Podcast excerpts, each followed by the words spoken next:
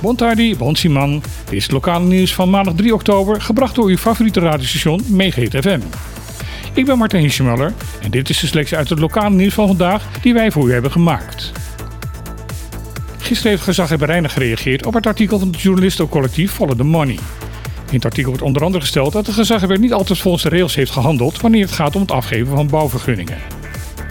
In zijn reactie werpt Reina deze kritiek verder van zich en zegt altijd in het belang van Bonaire te hebben gehandeld. Hij refereert daarbij aan een tweetal onafhankelijke onderzoeken die zijn uitgevoerd naar aanleiding van de gebeurtenissen rondom Chocogo en Sunset Beach Resort. De evaluatie gaven een aantal aanbevelingen voor verbetering, waar volgens de gezaghebber momenteel hard aan wordt gewerkt om deze te implementeren.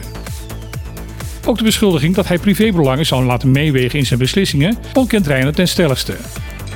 In zijn reactie gaat hij niet in op de gevallen in het artikel van Follow Money, waarvan de journalisten zeggen dat zij getuigen en documenten hebben gevonden die hun beweringen bewijzen.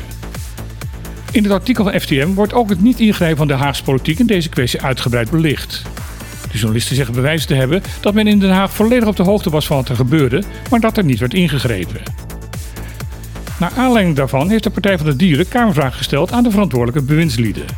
Daarbij wordt ook het voorstel gedaan om een onafhankelijke toezichthouder aan te stellen die moet gaan zorgen dat afhandeling van grote bouwaanvragen voortaan beter gaat verlopen.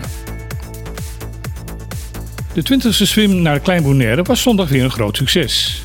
Na twee jaar, waar het evenement niet georganiseerd kon worden vanwege de COVID-crisis, waren dit jaar weer heel veel deelnemers die hun beste sportieve beentje voor wilden zetten. De wedstrijd werd gewonnen door Marcel Spruit. De tocht naar het kleine eiland en weer terug volbracht hij in 22 minuten en 46 seconden. De jongste deelnemster aan de wedstrijd was de 12-jarige Jules Jolie Zwager. Ze volbracht de tocht in 25 minuten en 21 seconden en daarmee was zij de snelste bij de meisjes en de vrouwen. Zoals altijd zijn de opbrengsten van de swim bestemd voor de stichting Jong Bonaire. Een organisatie die naschoolse activiteit organiseert voor jongeren die het voortgezet onderwijs volgen. Ondernemers aan de Kaya Soer Bartola zijn onaangenaam verrast door de maandenlange afsluiting van de weg. Dit is te lezen in artikel bonaire.nu. Pas afgelopen week werden zij door een brief van de Bonaireaanse Wegenbouwmaatschappij op de hoogte gesteld dat vanaf vandaag de weg de komende twee maanden zal zijn afgesloten. De afsluiting zal zijn vanaf de Kaya Nicolaas tot aan de Kaya Helmond. Aan de weg zitten diverse bedrijven zoals een boekhandel, een schoonheidssalon, een tandartspraktijk en een restaurant.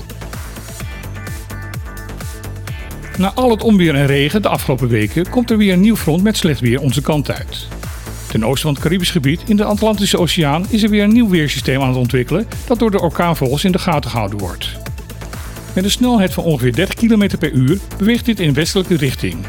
Met die snelheid zou de kern van het gebied waarschijnlijk vrijdag Bonaire gaan passeren. Momenteel is de voorspelling dat er maar 40% kans is dat voor die tijd de weef is tot een storm. Daarom zeggen de deskundigen dat de verstoring wel veel voor regen en onweer zal gaan zorgen, maar geen harde wind. Er is nog een tweede systeem wat nog verder naar het westen ligt, ten zuiden van de Kaapverdische eilanden. De kans dat deze in korte tijd uitgroeit tot een storm is veel groter.